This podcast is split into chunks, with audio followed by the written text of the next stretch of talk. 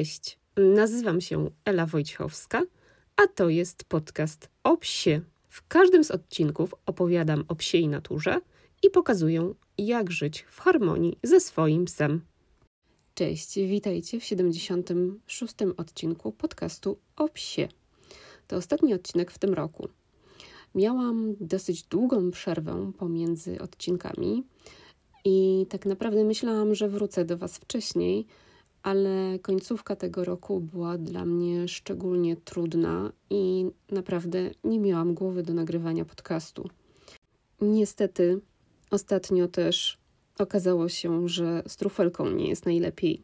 Zrobiłyśmy szereg badań i okazało się, że trufla ma chorobę Cushinga, a także sporo innych poważnych problemów. Um, no i z uwagi na to, że trufelka ma już swój wiek, myślę, że ma około 14 lub nawet 15 lat, e, no to musieliśmy podjąć decyzje takie, które będą dla niej dobre. I pomimo tego, że w sumie w jej wypadku żadna decyzja nie jest dobra i nie ma tutaj dobrego wyjścia, no to starałam się zrobić tak, e, by trufelka jak najmniej cierpiała.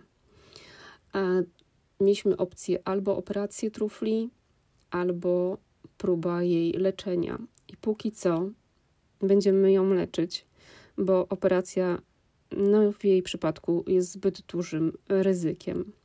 Mam nadzieję, że podjęliśmy słuszną decyzję, no i że trufla zostanie z nami jak najdłużej. Po tym krótkim osobistym wstępie chciałabym przejść do tematu dzisiejszego odcinka.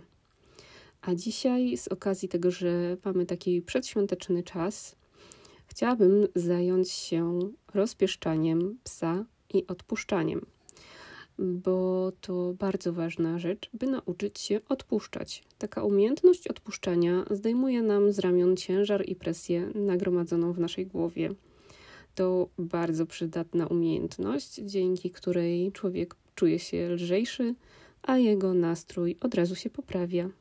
Tak więc dziś ja, jako behawiorystka mająca wysokie kwalifikacje i sporo doświadczenia w pracy z psami i z różnymi zaburzeniami psimi, no, będę Was próbować przekonać, abyście odpuścili sobie ciągłe kontrolowanie swoich psów, wrzucili na luz i pozwolili sobie na rozpieszczanie własnego psa. Moja filozofia z psami opiera się przede wszystkim na zrozumieniu psa, a nie na jego szkoleniu. Dla mnie istotna jest obserwacja mowy ciała psa, sygnałów, które pies mi wysyła, potrzeb oraz emocji, które przeżywa. E, no bo właśnie to od zrozumienia, a nie od szkolenia powinno się rozpocząć swoją drogę z psem. Dla mnie sprawianie psom moim psom przyjemności, daje mi dużo radości, naprawdę. Spanie z nimi w łóżku, pozwalanie im na wyligiwanie się na kanapie, czy dawanie smakołyków od tak za darmo, a nie za wykonanie jakiegoś zadania, jest dla mnie rzeczą najnormalniejszą w świecie. Szczególnie gdy pomyślę o tym, jak krótki jest czas, kiedy jesteśmy razem z psem. One zdecydowanie za szybko odchodzą, a więc korzystanie ze wspólnych chwil i spędzanie ich na przyjemnościach jest dla mnie bardzo istotne. Istotniejsze niż to, by pies schodził mi przy nodze, siadał na zawołanie czy podawał łapę. Mój pies nie musi być na każde moje zawołanie. Nie jestem jego władcą, ale jestem opiekunem, który musi dbać o jego dobrostan. Pies nie jest rzeczą, którą możemy dostosować do swoich potrzeb nie jest zabawką dla dziecka czy sługą mającym spełniać widzimy się opiekuna. Pies jest istotą, która czuje, ma swoje potrzeby i przeżywa emocje. Dokładnie tak jak my. Ciągła kontrola psa i stosowanie przestarzałych metod szkoleniowych, a także używanie narzędzi powodujących ból i strach jest wysoce nieetyczne i powinno zostać zabronione. Niestety, nadal trwa moda na używanie obroży elektrycznych, dławików, halterów, kolczatek, obroży antyszczekowych i innych dziwnych akcesoriów mających na celu poprawienie zachowania psa, ale tak naprawdę przyczyniają się one głównie do wywołania bólu, cierpienia i strachu u psa, bez wpływu na długotrwałą poprawę zachowania psa. A jeśli chcecie przyczynić się do zmniejszenia cierpienia psów i zakazu stosowania narzędzi tortur przez pseudotrenerów i pseudobehawiorystów, to zachęcam Was do podpisania petycji właśnie po to, by ukrócić takie działania. Mm, petycja znajduje się na stronie przemoc to niepomoc.org i tam możecie wejść i zapoznać się z materiałami na ten temat. Link do strony zostawię Wam oczywiście w opisie tego odcinka. Wracając do rozpieszczania psa, no to zastanówmy się, czy naprawdę jest to takie złe. Czy ktoś z Was nie lubi być rozpieszczanym?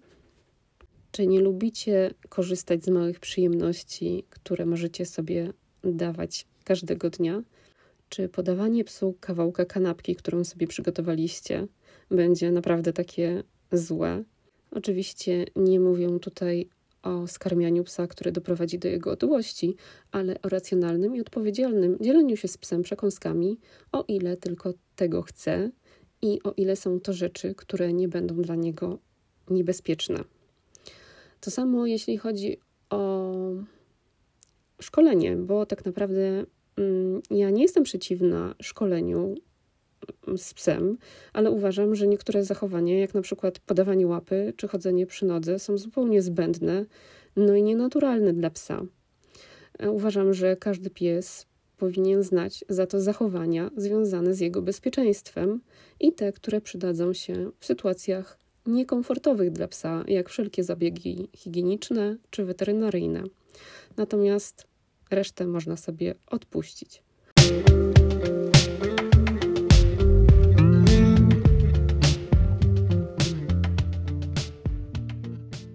Jeśli uznasz moje treści zawartościowe, to zachęcam Cię do udostępnienia podcastu znajomym, jak również do pozostawienia recenzji lub ocenienia podcastu na 5 gwiazdek na Spotify i Apple Podcast. A jeśli chcesz wesprzeć rozwój mojego podcastu, to postaw mi kawę w serwisie Buy Coffee. Link do serwisu znajdziesz na moich mediach społecznościowych oraz na mojej stronie truflaterapie.pl. Dziękuję, że jesteście i słuchacie.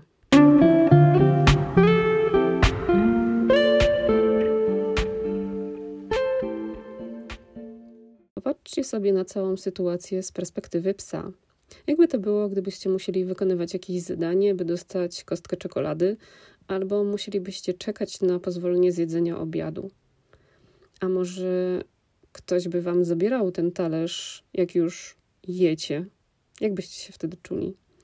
Psy powinny się czuć z opiekunem dobrze, bezpiecznie i mieć przyjemność ze wspólnych aktywności i wspólnie spędzanego czasu, a nie być poddawane ciągłej presji i kontroli. Dlatego ciesz się czasem spędzonym ze swoim psem, zmniejsz oczekiwania, przestań patrzeć na to, co robią inni, jakie trendy są modne w psim świecie. Zastanów się, co jest ważne dla ciebie i dla twojego psa, bo jest on jedyny w swoim rodzaju i to, co będzie dobre dla psa sąsiadki, no niekoniecznie sprawdzi się w waszym przypadku. A jeśli uważasz, że rozpieszczanie psa sprawi, że pies stanie się nieposłuszny i będzie próbować cię kontrolować, dominować, to spróbuj zmienić te przestarzałe i niekorzystne podejście. A zmiany są dobre, no bo gdyby nie zmiana, to przecież nie ruszylibyśmy w ogóle z miejsca.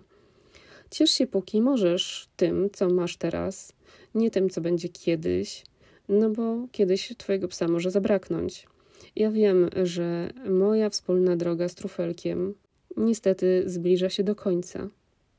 Dlatego mm, chcę wykorzystać jak najlepiej ten czas na byciu razem i na wspólnych aktywnościach i wspólnej bliskości.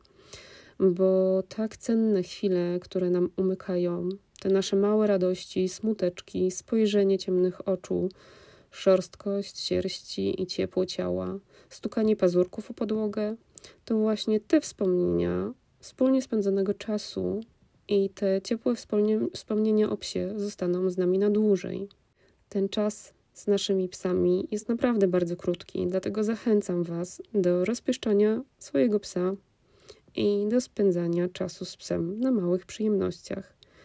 Bądź ze swoim psem tu i teraz i pozwól mu po prostu być psem A jako, że mamy taki okołoświąteczny czas, to zachęcam Was do chwili refleksji i zastanowienia się nad tym zagadnieniem.